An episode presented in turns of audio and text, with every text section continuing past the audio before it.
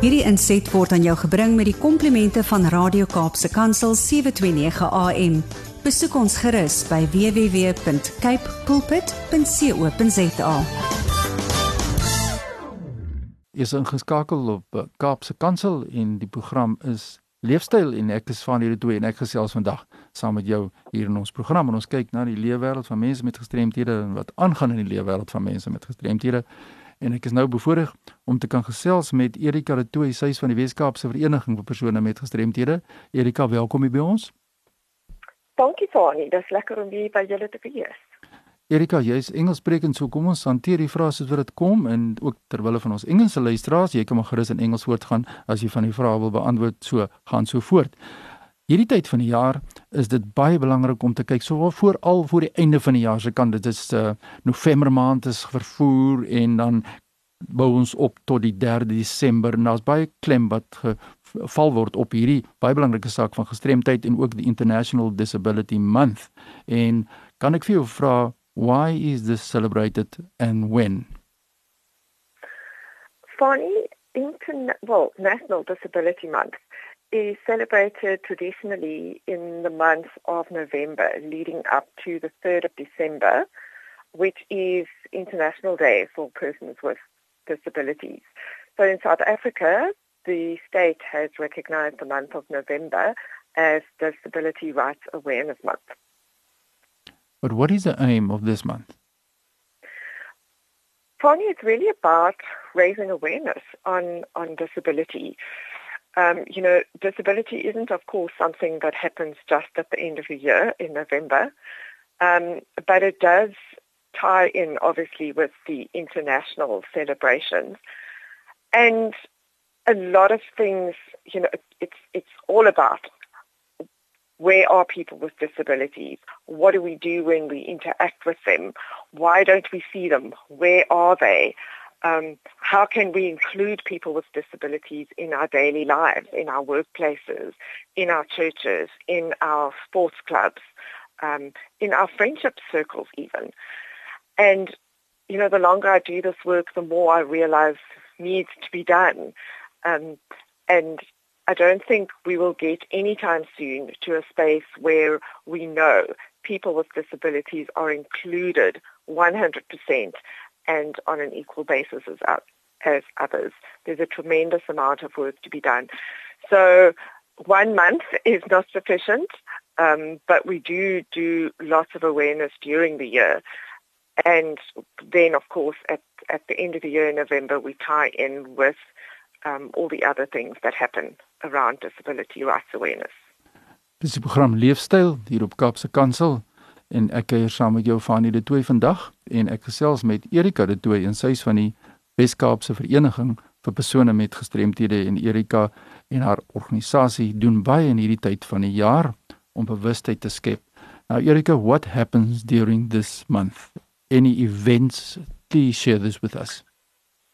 Uh, funny, well, yes, there are many events. Um, lots of the non-profits that work with disability arrange various events across the country. So there's a tremendous amount that happens um, around around this time.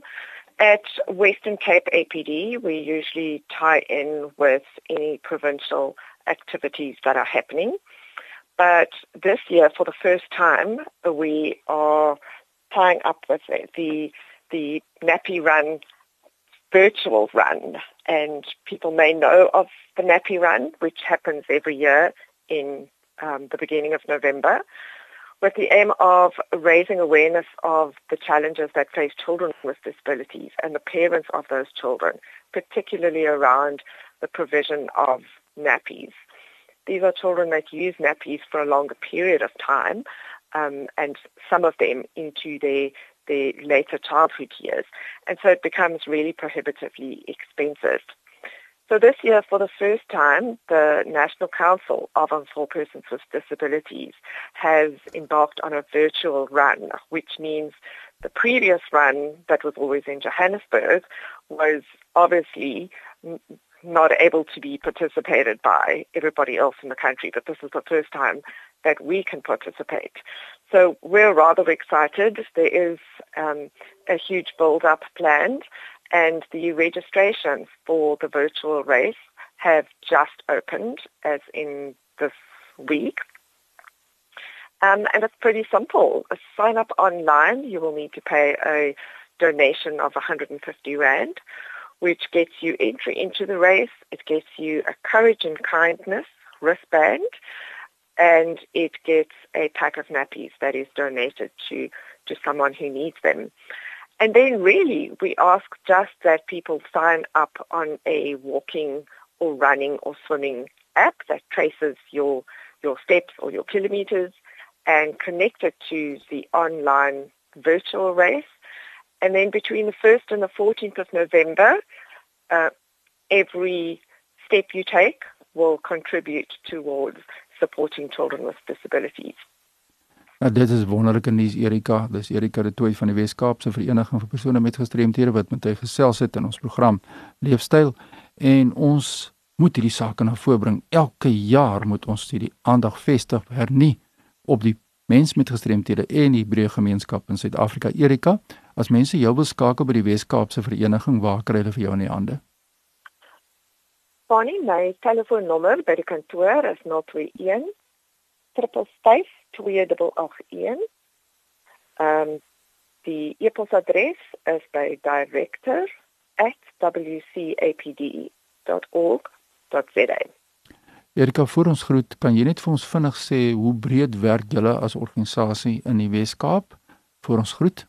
Julle is 'n organisasie wat wonderlike werk doen. Sê vir ons van waar af tot waar werk julle? Van ons werk reg oor die Weselike provinsie. Ehm um, ons verste tak op op in die Weskus op is in Vredendal, Olifantsrivier Vereniging vir persone met gestremthede. Ehm um, in die noord noordoos is dit Beaufort Wes en dan langs die Suid-Kaap area is die verste ene in Plettenberg Bay en daar is 26 takke altesaame.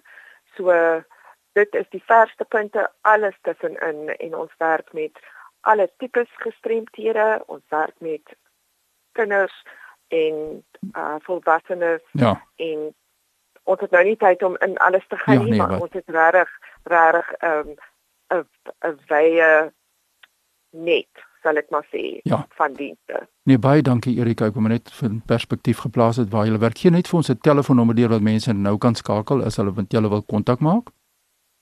Dis 021 355 2881. Ja, dit is die kontakbesonderhede van die Weskaapse Vereniging en ek het hier in ons program Leefstyl gesels met Erika de Tooy. Erika, baie sterkte met julle werksamehede vir al hierdie baie besige tyd van die jaar. Baie dankie Fani.